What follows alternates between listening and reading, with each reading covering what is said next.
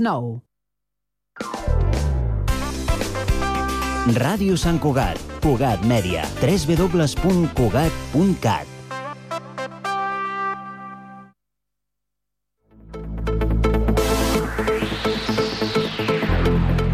L'altre esport, amb Eli Jiménez. Ens retrobem una setmana més en l'Altre Esport, el programa que us apropa als esports minoritaris de casa nostra. I a l'últim programa, abans de les vacances de Nadal, us aproparem al partit de les estrelles d'hoquei patins. El proper 30 de desembre, l'Olímpic de l'Ateneu de Sant Sadurní acollirà aquest projecte organitzat per la Federació Catalana de Patinatge amb el suport de l'Associació Nacional de Hockey Patines i amb la col·laboració del Noia Freixenet, l'Ajuntament de Sant Sadurní, la Secretaria General de l'Esport i de l'Activitat Física i TV3. Es tracta d'una gran jornada de promoció de l'hoquei patins que neix amb l'objectiu d'apropar els jugadors de la base als jugadors de màxim nivell. El partit de les estrelles enfrontarà la selecció de Catalunya, dirigida per Jordi Camps i Josep Maria Barberà, contra l'All Stars. Els integrants de l'All Stars, per votació popular i dels capitans i entrenadors de l'Hockey Lliga i la premsa especialitzada, s'han donat a conèixer aquest mateix dimarts. Són els porters Càndid Ballar del Reus, Carles Grau del Barça, Guillem Torrents de l'Igualada i Arnau Martínez del Caldes mentre que la resta de la convocatòria la completen els jugadors del Barça Pau Bargalló, Joao Rodríguez i Marc Grau, el del Reus Sergi Aragonès, Joan Pujalte i Gerard Miquel del Sant Just, Arnau Xaus del Calafell, Gerard Riba i Nil Cervera de l'Igualada, Ferran Formatger de l'Alcoi, Biel Pujades, Adrià Ballart i Marc González del Caldes, Sergi Folguera i Xavi Aragonès del Lleida i Humberto Méndez del Noia. Abans d'aquest partit, que se celebrarà a partir de dos quarts de vuit del vespre, la jornada començarà molt abans amb un torneig 3x3 per a les categories infantil, benjamí i alaví.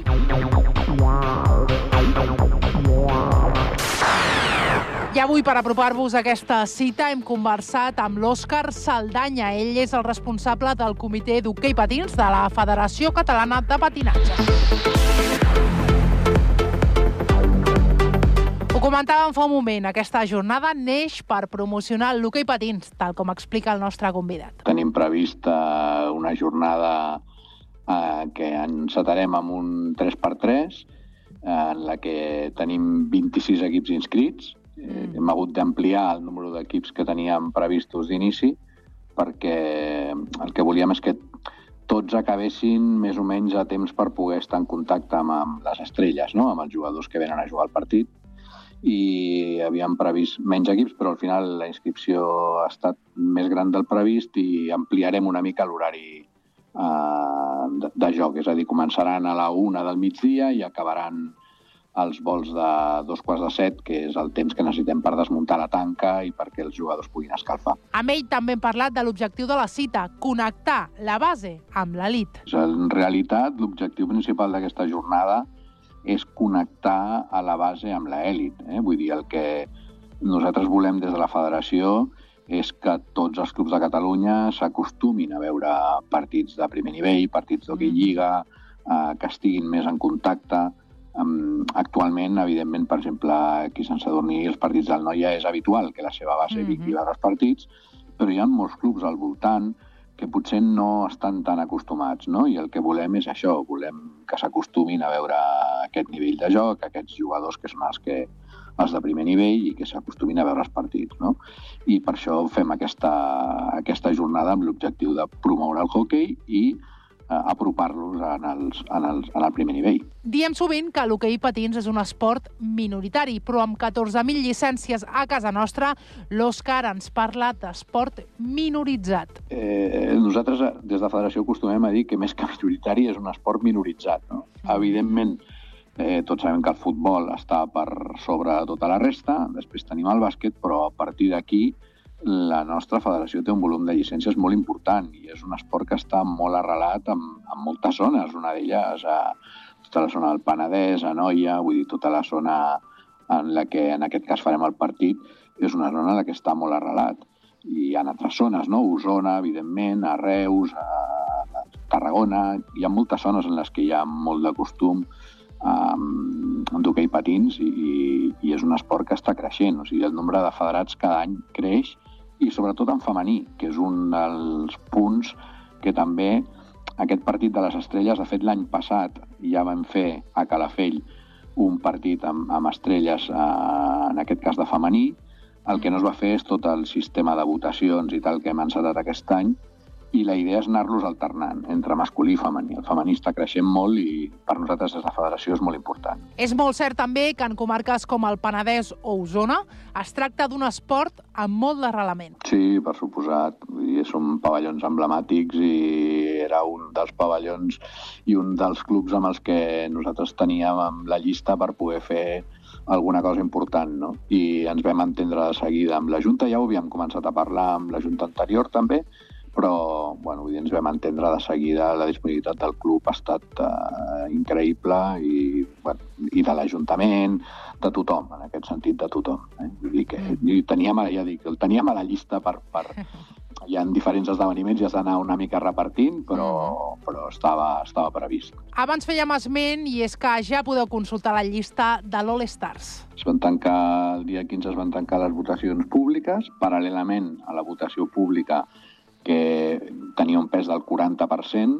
Eh, hem fet també una votació entre els capitans dels equips d'hoquei Lliga, que era, valia un 20%, els entrenadors dels equips d'hoquei Lliga i la premsa. Eh? S'ha convidat alguns, eh, alguns mitjans eh, a votar, els que més habitualment segueixen a l'hoquei, okay, i amb aquests resultats surt la llista definitiva que està publicada a través de les nostres xarxes dels jugadors que estaran presents en el partit. L'hoquei patins és, sens dubte, molt diferent a veure a la televisió que en directe, tal com ens explica el nostre convidat. Quan tu portes una persona que no ha vist mai un partit d'hoquei patins o l'ha vist només en televisió i pot veure'l en directe, pot presenciar-lo directament en un pavelló, queda normalment impressionat. És un esport eh, dinàmic, amb, amb una força, amb un, amb un dinamisme que és difícil d'explicar, mm. s'ha de viure. S'ha de viure i, per tant, els convidem a que vinguin i que ho visquin, que és l'única manera de saber-ho. No? I a partir d'aquí segur que repetiran. Les entrades per a l'All Stars estan ja disponibles. Ho poden fer a través d'internet. L'enllaç està penjat al, al, a la web, a la web de la Federació Catalana de Patinatge, fecapa.cat, en allà tenen l'enllaç on poden comprar les entrades i els socis del Club Esportiu Noia les poden demanar directament a través del club, eh? perquè mm. també hi ha un, hi ha un sistema per fer-ho a través del propi club pels socis del, del Noia. Tots els federats menors de 16 anys que vinguin acompanyats d'un adult amb entrada entren gratuïtament. Eh? És a dir, els nens que són federats que juguen a hoquei okay, no han de pagar l'entrada, només la paguen els adults en aquest cas. I ens acomiadarem amb l'invitació que ens fa l'Òscar a gaudir de la jornada del proper 30 de desembre a Sant Sadurní. Ho deixem aquí i ens retrobem ben aviat. Res, aprofitar per, per fer una crida a tothom que a tothom que li agradi l'hoquei patins perquè pugui veure el que és aquest esport i a aquelles persones que encara no han tingut uh, l'ocasió de, de veure un partit d'hoquei patins que realment vist en directe és molt més impressionant que vist per televisió. Mm. Els convidem a que vinguin a l'Ateneu, veuran els millors jugadors de Catalunya bueno, i, de, i, i, de, i de resta, perquè en realitat són, són els jugadors de, de, la, de la Hockey Lliga, del primer nivell, de la primera divisió, i podran gaudir d'un molt bon espectacle amb una jornada eh, de festes nadalenques, diguéssim, eh? queda entremig de Nadal i Cap d'Any, és, un, és una bona manera d'omplir un dissabte a la tarda, en aquest cas. Mm -hmm. L'esperem a tots.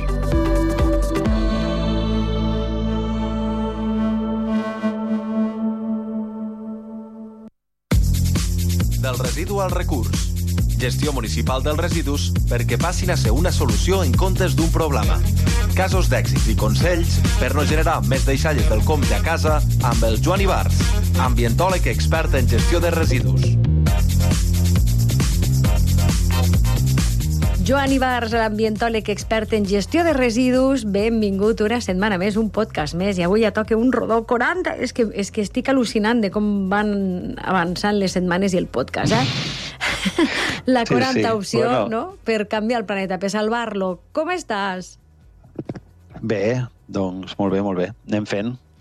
I això, doncs ja estem a la, a la 40, a la proposta 40, ens en queden 10 per fer les 50, que quan vam dir el nom no em pensava que, Que arribaríem que tan aviat. tan, tan lluny. no sé, bueno, lo de 50 suposo que els oients ja ho deuen saber, és una mica pensat pues, que el, com que l'any té unes 52 setmanes, doncs, pues, i alguna que no treballem, doncs, doncs una proposta per setmana, no? I, i això, ja estem a la 40 i, i, i amb ganes per arribar a les 50, moltes ganes. Ai, no tens cap recurs, no?, per, per aturar el temps? Això no, no existeix. No, no, No. això no existeix i ens fa falta, eh? sobretot Sí, amb el sí, tema sí. del canvi climàtic també, perquè per revertir tot el no, tot, tots els impactes que s'han fet durant els últims, els últims anys o 200 anys, per dir-ho d'una forma, doncs faria falta. Ai, avui de què parlem amb aquesta quarantena eh, entrega? Avui d'un anunci que es va fer a la COP 28 per part del govern català que va anunciar doncs, doncs un mercat de crèdits climàtics. ¿vale?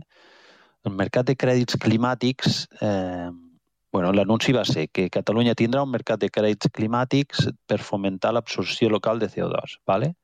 Aleshores, aleshores, el tema dels, dels crèdits climàtics mm, és una estratègia contra el canvi climàtic que consisteix en, en la compensació d'emissions. És a dir, empreses o activitats o, el que sigui, festivals, entitats, que ja no poden reduir les seues emissions, vale? perquè ja tenen com unes emissions estructurals a les quals no hi poden fer front, no hi ha mitjans tecnològics o no, per dir-ho d'una forma, per, per, per, per reduir-les, doncs busquen mesures per compensar aquestes emissions. Vale?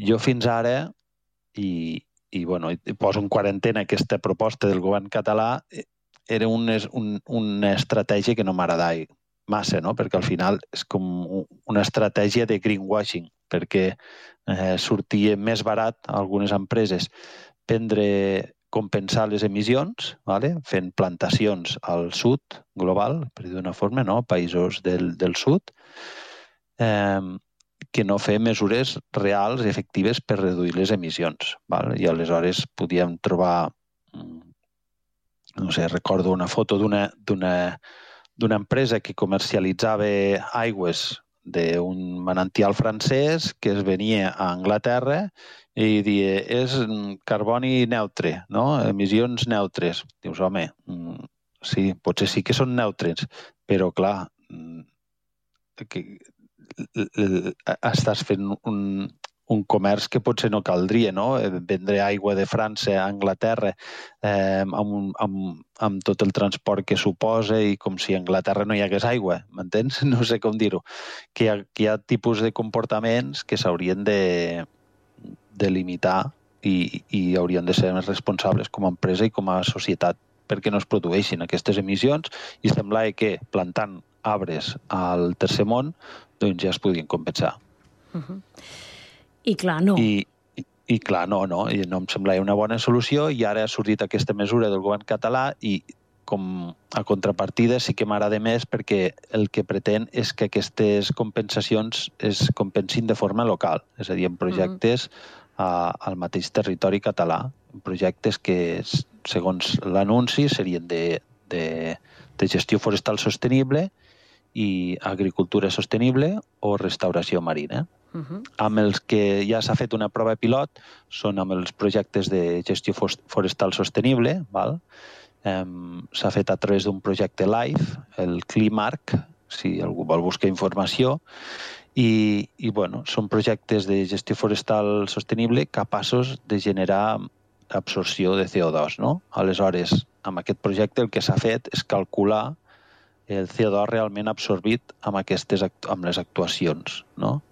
amb les actuacions de gestió forestal sostenible per poder dir o verificar que realment doncs, mm, la inversió de les empreses per, per fer aquestes compensacions és realment mm, efectiva i, i, i genera pues, captació de CO2 què es fan, quin tipus d'actuacions es fan.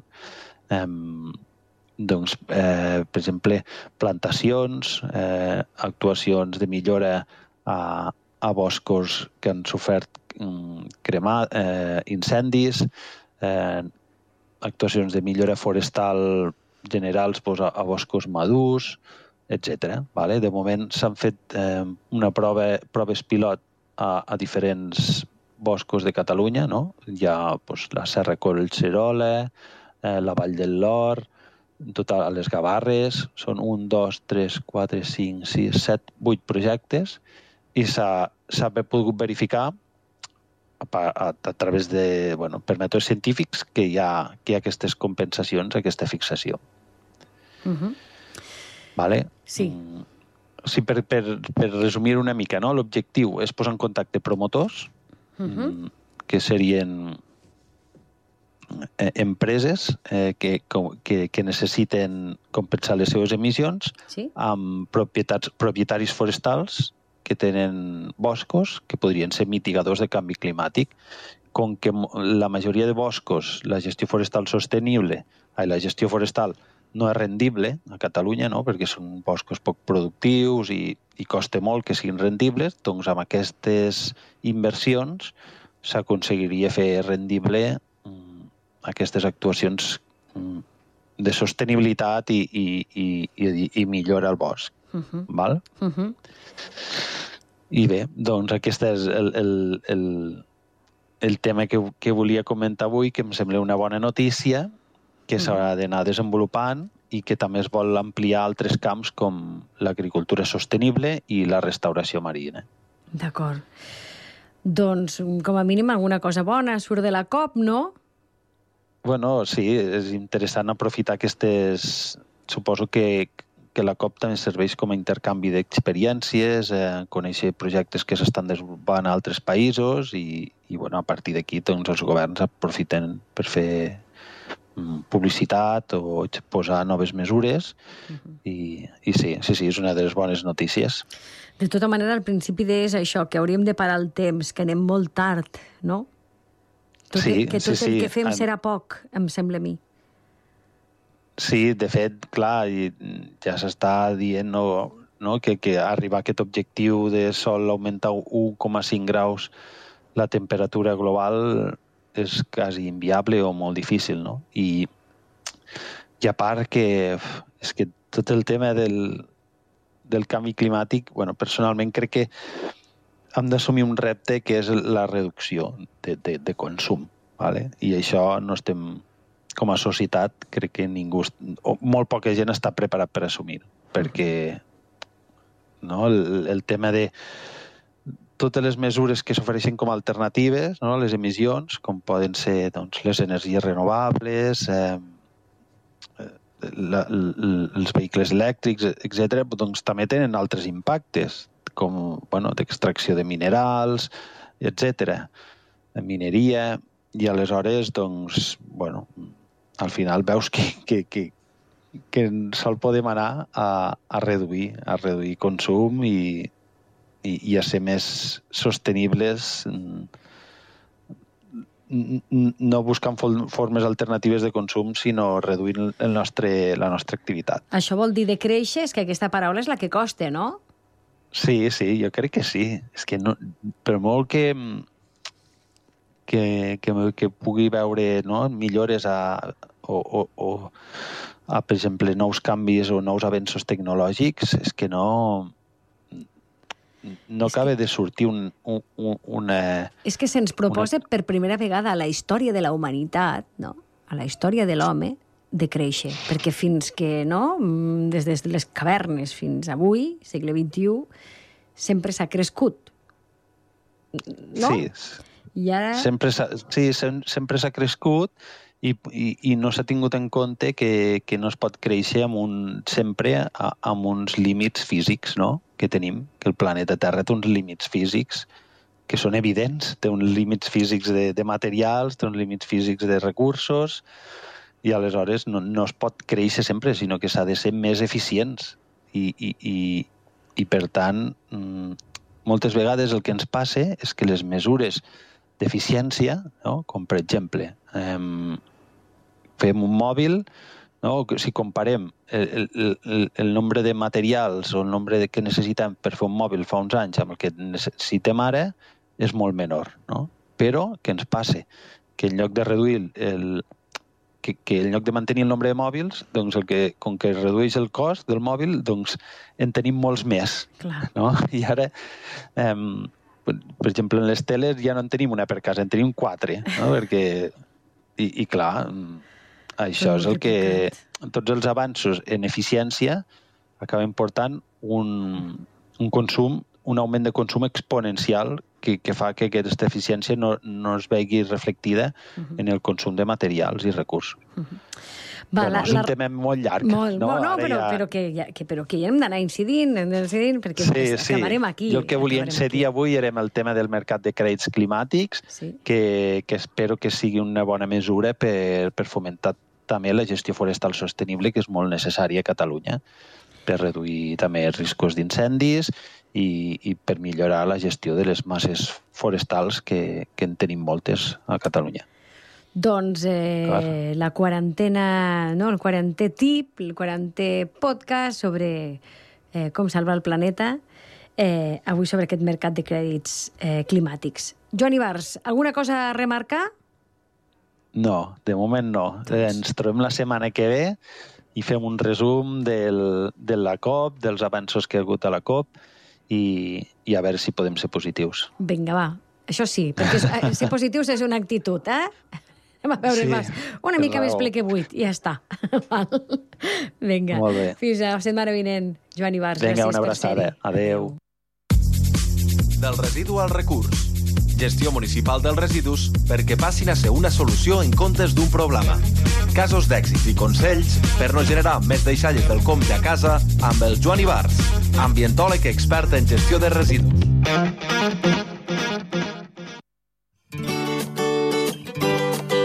Continguts en xarxa.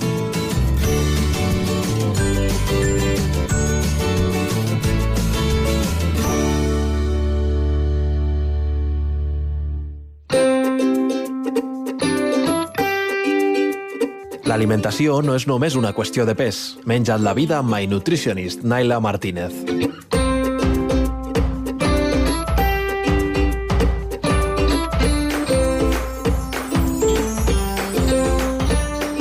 Naila Martínez, My Nutritionist. Benvinguda. Què tal? Com esteu? Doncs molt bé, gaudint de les festes. Sí, escolta, que se'ns acaba aquest 2021. Ja està acabant-se. L'estem liquidant. Ja està. Ha passat, ha passat en dos segons. Déu-n'hi-do, eh? És veritat, eh? Que ràpid passa el temps. Uh, va, quina és la proposta que ens fas avui des de Menja't la vida? Doncs avui vinc amb una proposta de receptes perquè no sé si estem ja cansats de torrons polvorons i, i tota la pesca de postres eh, comercials que haguem comprat, que està molt bé, perquè al final és un moment de, de consumir aquest tipus de productes, si només el consumim quatre dies a l'any no, no és cap problema, però jo vinc amb alguna recepta per si doncs, teniu dies de vacances i no sabeu què fer, teniu nens i nenes a casa i no sabeu què fer amb ells i elles, o simplement voleu eh, canviar una mica les postres i, i oferir postres diferents a aquests dies que encara ens queden de festes. Doncs som-hi. Eh, són difícils d'elaborar? M'imagino que coneixent-te no. no. Ah, d'acord. són, són pim-pam-pum, que diem aquí. D'acord. doncs va, sí, que, que, dona'ns opcions per acabar de passar doncs, totes aquestes festes que encara ens queden dies. Què, què ens proposes? Doncs mira, el primer, unes natilles de xocolata. Va. Que es fan en, amb tres ingredients. A veure. I l'únic l'únic que, farem, que utilitzarem a casa serà una batedora i un got de batedora. I ja està. Res més. Què necessitem? Dos caquis madurs, dels madurs, dels de tota la vida, no d'aquests que ens han arribat ara, que per cert estan molt bons, m'encanten, els persimons, però dels madurs. Caquis mmm, que se desfacin, com a tomatetes madures.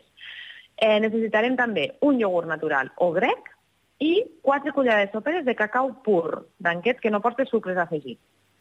Uh -huh, D'acord. Bàsicament el que hem de fer és barrejar els ingredients, batre'ls, afegir-ho a diferents recipients on ho voldrem servir, bols petitets, i deixar-ho a la nevera durant dues hores. I ja està. Perdona?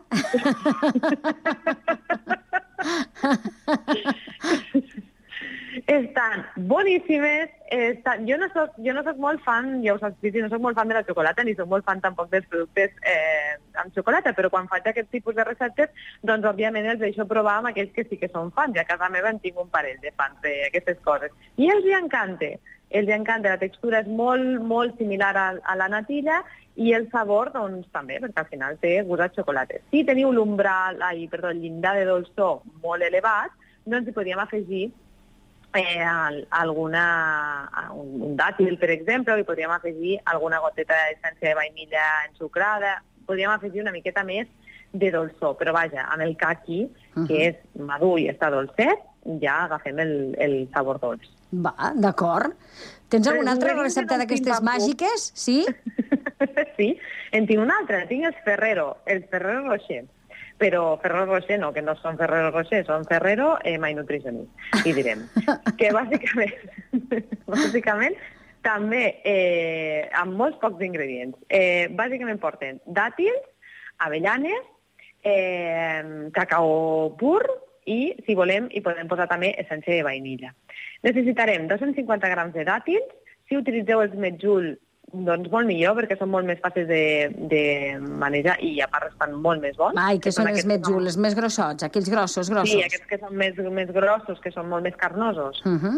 Necessitarem 150 grams de farina d'avellana, que simplement això és agafar les avellanes i les triturem. Necessitarem 20 avellanes per posar-les a dins del nostre ferrero, per tant ja us dic que surten 20 ferreros, i dos cullerades soperes de cacau pur. I el que farem és hidratar els dàtils durant 10 minutets. Triturar els dàtils amb, amb una miqueta d'aquesta aigua d'hidratar perquè se'ns faci una pasta. Afegir-hi la farina d'avellana, afegir-hi el cacau i la vainilla, que és opcional, formar boletes, posar l'avellana dins i la resta d'avellanes que, que em quedin o si en tinc, el que farem és triturar-les per a rebossar els nostres ferreros. Els posarem a la nevera i els podem servir. Toma ja, perfecte, molt bé. Opcions, ens ho deies, eh? el pim-pam-pum. Fàcils, pim-pam-pum. fàcils, molt bé. I farem ferreros, no? Els fem nosaltres, els fem casolans. Si podem fer-los amb nens i tenim canalla a casa, doncs mira, fem una, acti una activitat ara per festes, que també està bé. I, bueno, Exacte. uh -huh, i fem alguna Tenim cosa altres opcions, tens a casa. D'acord, som-hi. Sí. Tens alguna altra? Sí, una altra que per mi és la reina de, de les taules de Nadal per a casa meva, eh? que és eh, man, bombons de mandarina. I necessitarem Uh -huh. mandarines, mandarines, necessitarem eh, xocolata de més del 85% cacau. Aquí també depenent del llindar de dolçor, si necessiteu que estigui una miqueta més dolç, però vaja, les mandarines ja són dolces. I després utilitzarem ametlles, coco i sal. I us explico. El que farem és pelar les mandarines i separar els gallons, galló per galló. Eh, desfarem la xocolata al microones de 20 segons en 20 segons, és a dir, poso la, eh, dos, la tableta de xocolata en un bol, apte per a microones, heu de mirar que sigui apte per poder posar al microones, i ho posarem 20 segons. Remourem 20 segons més. Remourem fins que se'ns desfà tot, val? de 20 segons en 20 segons perquè si no se'ns cremarà la xocolata. Un cop ja tenim la xocolata desfeta, el que farem és eh, sucar la punta del galló, és a dir, sucar només mig galló Uh -huh. de mandarina i ho posarem en una safateta. Un cop tinguem tots els gallons sucats, i el que farem és posar-hi per sobre, doncs, amb uns quants gallons hi posarem eh, ametlles triturades, en uns altres gallons hi posarem coco ratllat i en uns altres gallons hi posarem sal.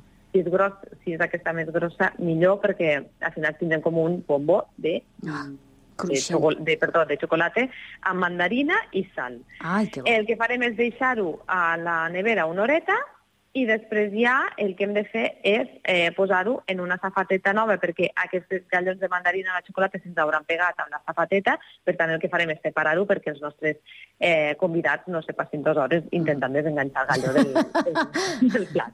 Ho Ah, posarem en una safateta molt ben presentat i ja tindrem els nostres bombons de mandarina. Mira, jo aquests que sí que ja els he fet, perquè en alguna altra ocasió també els havia recomanat i realment són no fàcils, xupadíssims de fer, no? per a nivell zero, com jo, eh? dumis de la cuina, doncs jo, i, i, i, i a més tenen molt, molt èxit, perquè com que al final és fruita fresca, que el galló de mandarina et peta la boca, amb la xocolata que també està bona i Que és està poca, dura. està dura i, I a més ve de gust, i ve de gust aquell, oi, fresquet, boníssim, recomanat 100%, Naila, Vull dir, per tu, però també per mi.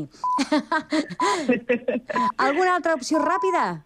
O ho deixem aquí? Doncs ho deixem aquí. Déu-n'hi-do. Doncs escolta, ja ens quedem amb aquestes opcions. Eh, estem a punt d'acabar l'any. Alguna, no sé, alguna recomanació, mirar enrere, mirar endavant, què hem de fer? més, a- això ja és més enllà fer- de la nutrició, això ja és filosofia Naila Martínez, eh?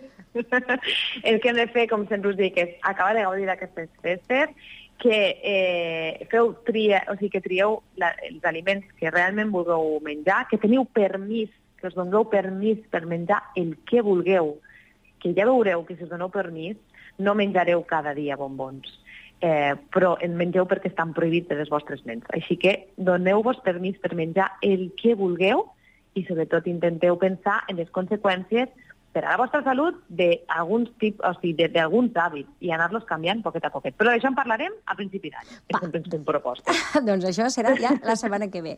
Naila Martínez, un petó molt gran i escolta, bona entrada d'any. Adeu! Igualment, adeu! Continguts en xarxa.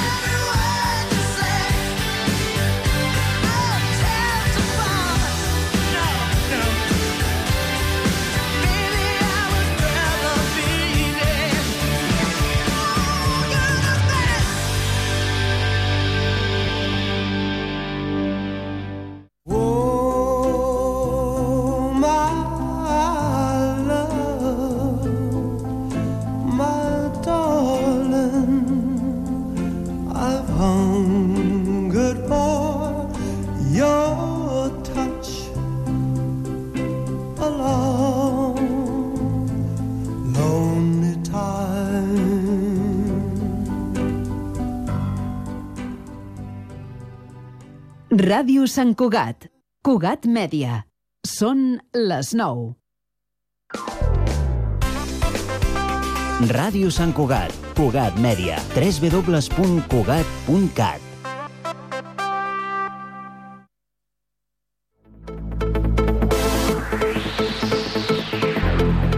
L'altre esport. Ameli Jiménez. Retrobem una setmana més en l'Altre Esport, el programa que us apropa als esports minoritaris de casa nostra. I en l'últim programa, abans de les vacances de Nadal, us aproparem al partit de les estrelles d'hoquei patins. Proper 30 de desembre, l'Olímpic de l'Ateneu de Sant Sadurní acollirà aquest projecte organitzat per la Federació Catalana de Patinatge amb el suport de l'Associació Nacional de Hockey Patiners i amb la col·laboració del Noia Freixenet, l'Ajuntament de Sant Sadurní, la Secretaria General de l'Esport i de l'Activitat Física i TV3. Es tracta d'una gran jornada de promoció de l'hoquei patins que neix amb l'objectiu d'apropar els jugadors de la base als jugadors de màxim nivell. El partit de les estrelles enfrontarà la selecció de Catalunya, dirigida per Jordi Camps i Josep Maria Barberà, contra l'All Stars. Els integrants de l'All Stars, per votació popular i dels capitans i entrenadors de l'Hockey Lliga i la premsa especialitzada, s'han donat a conèixer aquest mateix dimarts. Són els porters Càndid Ballar del Reus, Carles Grau del Barça, Guillem Torrents de l'Igualada i Arnau Martínez del Caldes. Mentre que la resta de la convocatòria la completen els jugadors del Barça Pau Bargalló, Joao Rodríguez i Marc Grau, el del Reus Sergi Aragonès, Joan Pujalte i Gerard Miquel del Sant Just, Arnau Xaus del Calafell, Gerard Riba i Nil Cervera de l'Igualada, Ferran Formatger de l'Alcoi, Biel Pujades, Adrià Ballart i Marc González d'Alcaldes, Sergi Folguera i Xavi Aragonès del Lleida i Humberto Méndez del Noia. Abans d'aquest partit, que se celebrarà a partir de dos quarts de vuit del vespre, la jornada començarà molt abans amb un torneig 3x3 per a les categories infantil, benjamí i alaví.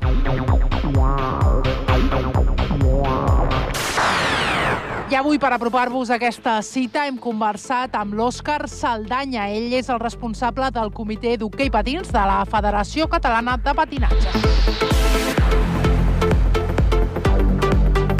Ho comentàvem fa un moment, aquesta jornada neix per promocionar l'hoquei patins, tal com explica el nostre convidat. Tenim prevista una jornada eh, que encetarem amb un 3x3, eh, en la que tenim 26 equips inscrits. Eh, hem hagut d'ampliar el número d'equips que teníem previstos d'inici, perquè el que volíem és que tots acabessin més o menys a temps per poder estar en contacte amb, amb les estrelles, no? amb els jugadors que venen a jugar al partit i havíem previst menys equips, però al final la inscripció ha estat més gran del previst i ampliarem una mica l'horari eh, de, de joc. És a dir, començaran a la una del migdia i acabaran els vols de dos quarts de set, que és el temps que necessitem per desmuntar la tanca i perquè els jugadors puguin escalfar. Amb ell també hem parlat de l'objectiu de la cita, connectar la base amb l'elit. En realitat, l'objectiu principal d'aquesta jornada és connectar a la base amb l'elit. Eh? Vull dir, el que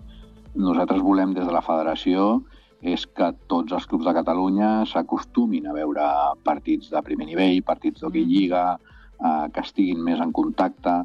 Um, actualment, evidentment, per exemple, aquí Sant Sadurní, els partits del Noia és habitual que la seva base mm -hmm. vingui a veure els partits, però hi ha molts clubs al voltant que potser no estan tan acostumats, no? I el que volem és això, volem que s'acostumin a veure aquest nivell de joc, aquests jugadors que són els que els de primer nivell i que s'acostumin a veure els partits, no?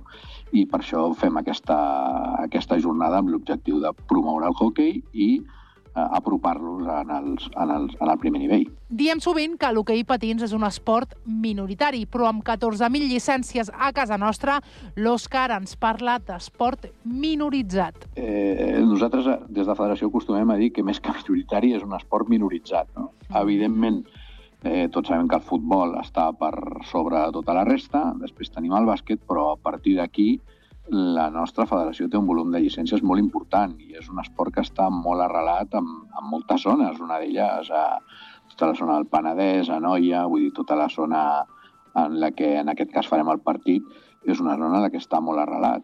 I ha altres zones, no? Osona, evidentment, a Reus, a Tarragona, hi ha moltes zones en les que hi ha molt de costum um, d'hoquei patins i, i és un esport que està creixent. O sigui, el nombre de federats cada any creix i sobretot en femení, que és un dels punts que també aquest partit de les estrelles, de fet l'any passat ja vam fer a Calafell un partit amb, amb estrelles, eh, en aquest cas de femení, el que no es va fer és tot el sistema de votacions i tal que hem encetat aquest any, i la idea és anar-los alternant entre masculí i femení. El femení està creixent molt i per nosaltres des de la federació és molt important. És molt cert també que en comarques com el Penedès o Osona es tracta d'un esport amb molt d'arrelament. Sí, per suposat. I són pavellons emblemàtics i era un dels pavellons i un dels clubs amb els que nosaltres teníem amb la llista per poder fer alguna cosa important, no? I ens vam entendre de seguida amb la Junta, ja ho havíem començat a parlar amb la Junta anterior també,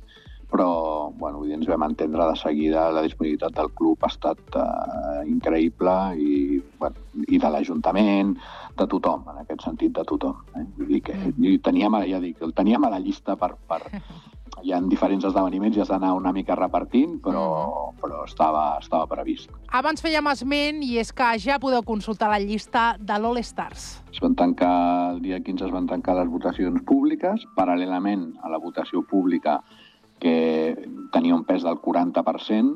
Eh, hem fet també una votació entre els capitans dels equips d'hoquei Lliga, que era, valia un 20%, els entrenadors dels equips d'hoquei Lliga i la premsa. Eh? S'ha convidat alguns, eh, alguns mitjans eh, a votar, els que més habitualment segueixen a l'hoquei, i amb aquests resultats surt la llista definitiva que està publicada a través de les nostres xarxes dels jugadors que estaran presents en el partit. L'hoquei patins és, sens dubte, molt diferent a veure a la televisió que en directe, tal com ens explica el nostre convidat. Quan tu portes una persona que no ha vist mai un partit d'hoquei patins o l'ha vist només en televisió i pot veure-la en directe, pot presenciar-lo directament en un pavelló, queda normalment impressionat. És un esport eh, dinàmic, amb, amb una força, amb un, amb un dinamisme que és difícil d'explicar mm. s'ha de viure. S'ha de viure i, per tant, els convidem a que vinguin i que ho visquin, que és l'única manera de saber-ho. No? I a partir d'aquí segur que repetiran. Les entrades per a l'All Stars estan ja disponibles. Ho poden fer a través d'internet. L'enllaç està penjat al, al, a la web, a la web de la Federació Catalana de Patinatge, fecapa.cat, en allà tenen l'enllaç on poden comprar les entrades i els socis del Club Esportiu Noia les poden demanar directament a través del club, eh? perquè mm. també hi ha un, hi ha un sistema per fer-ho a través del propi club pels socis del, del Noia. Tots els federats menors de 16 anys que vinguin acompanyats d'un adult amb entrada entren gratuïtament. Eh? És a dir, els nens que són federats que juguen a hoquei okay, no han de pagar l'entrada, només la paguen els adults en aquest cas. I ens acomiadarem amb l'invitació que ens fa l'Òscar a gaudir de la jornada del proper 30 de desembre a Sant Sadurní. Ho deixem aquí i ens retrobem ben aviat. Res, aprofitar per, per fer una crida a tothom que a tothom que li agradi l'hoquei patins perquè pugui veure el que és aquest esport i a aquelles persones que encara no han tingut uh, l'ocasió de, de veure un partit d'hoquei patins que realment vist en directe és molt més impressionant que vist per televisió. Mm. Els convidem a que vinguin a l'Ateneu, veuran els millors jugadors de Catalunya bueno, i, de, i, de, i de resta, perquè en realitat són, són els jugadors de, de, la, de la Hockey Lliga, del primer nivell, de la primera divisió, i podran gaudir d'un molt bon espectacle amb una jornada eh, de festes nadalenques, diguéssim, eh? queda entremig de Nadal i Cap d'Any, és, un, és una bona manera d'omplir un dissabte a la tarda, en aquest cas. Mm -hmm. Us esperem a tots.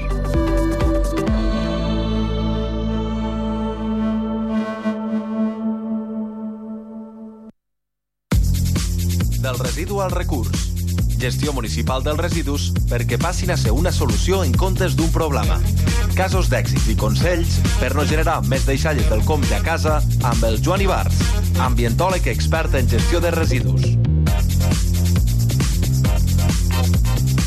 Joan Ibarz, l'ambientòleg expert en gestió de residus, benvingut una setmana més, un podcast més, i avui ja toca un rodó 40. És que, és que estic al·lucinant de com van avançant les setmanes i el podcast, eh? La Sí, 40 sí. opció, Bueno. no?, per canviar el planeta, per salvar-lo. Com estàs? Bé, doncs molt bé, molt bé. Anem fent. I això, doncs ja estem a la, a la 40, a la proposta 40, ens en queden 10 per fer les 50, que quan vam dir el nom no em pensava que, Que arribaríem que tan aviat. tan, tan lluny. no sé, bueno, lo de 50 suposo que els oients ja ho deuen saber, és una mica pensat pues, que el, com que l'any té unes 52 setmanes, doncs, pues, i alguna que no treballem, doncs, doncs una proposta per setmana, no? I, i això, ja estem a la 40 i, i, i amb ganes per arribar a les 50, moltes ganes. Ai, no tens cap recurs, no?, per, per aturar el temps? Això no, no existeix. No, no, no, això no existeix i ens fa falta, eh? sobretot Sí, amb el sí, tema del canvi climàtic també, perquè per revertir tot el no, tot, tots els impactes que s'han fet durant els últims, els últims anys o 200 anys, per dir-ho d'una forma, doncs faria falta. Ai, avui de què parlem amb aquesta quarantena eh, entrega? Avui d'un anunci que es va fer a la COP 28 per part del govern català que va anunciar doncs, doncs un mercat de crèdits climàtics. ¿vale? El mercat de crèdits climàtics, eh, bueno, l'anunci va ser que Catalunya tindrà un mercat de crèdits climàtics per fomentar l'absorció local de CO2. ¿vale? Aleshores, aleshores, el tema dels, dels crèdits climàtics mm, és una estratègia contra el canvi climàtic que consisteix en, en la compensació d'emissions. És a dir, empreses o activitats o, o el que sigui, festivals, entitats, que ja no poden reduir les seues emissions, vale? perquè ja tenen com unes emissions estructurals a les quals no hi poden fer front, no hi ha mitjans tecnològics o no, per dir-ho d'una forma, per, per, per, per reduir-les, doncs busquen mesures per compensar aquestes emissions. Vale? Jo fins ara, i, i, bueno, i poso en quarantena aquesta proposta del govern català, eh, era una, un, una estratègia que no m'agradava massa, no? perquè al final és com un- una estratègia de greenwashing, perquè eh, sortia més barat a algunes empreses prendre compensar les emissions, vale? fent plantacions al sud global, per dir d'una forma, no? països del, del sud, eh, que no fer mesures reals i efectives per reduir les emissions. Val? I aleshores podíem trobar, mm, no sé, recordo una foto d'una empresa que comercialitzava aigües d'un manantial francès que es venia a Anglaterra i dia, és carboni neutre, no? emissions neutres. Dius, home, mm, sí, potser sí que són neutres, però clar, mm, que, estàs fent un, un comerç que potser no caldria, no? Eh, Vendre aigua de França a Anglaterra eh, amb, amb, amb tot el transport que suposa i com si a Anglaterra no hi hagués aigua, m'entens? No sé com dir-ho. Que, que hi ha tipus de comportaments que s'haurien de, de limitar i, i haurien de ser més responsables com a empresa i com a societat perquè no es produeixin aquestes emissions. I semblava que plantant arbres al tercer món doncs ja es podien compensar. I clar, no. I, i, I clar, no, no, i no em semblava una bona solució i ara ha sortit aquesta mesura del govern català i com a contrapartida sí que m'agrada més perquè el que pretén és que aquestes compensacions es compensin de forma local, és a dir, en projectes a, al mateix territori català, projectes que, segons l'anunci, serien de, de, de gestió forestal sostenible i agricultura sostenible o restauració marina Uh -huh. amb els que ja s'ha fet una prova pilot són amb els projectes de gestió forestal sostenible. Val? S'ha fet a través d'un projecte LIFE, el CliMarc, si algú vol buscar informació, i, i bueno, són projectes de gestió forestal sostenible capaços de generar absorció de CO2. No? Aleshores, amb aquest projecte el que s'ha fet és calcular el CO2 realment absorbit amb, aquestes, amb les actuacions. No?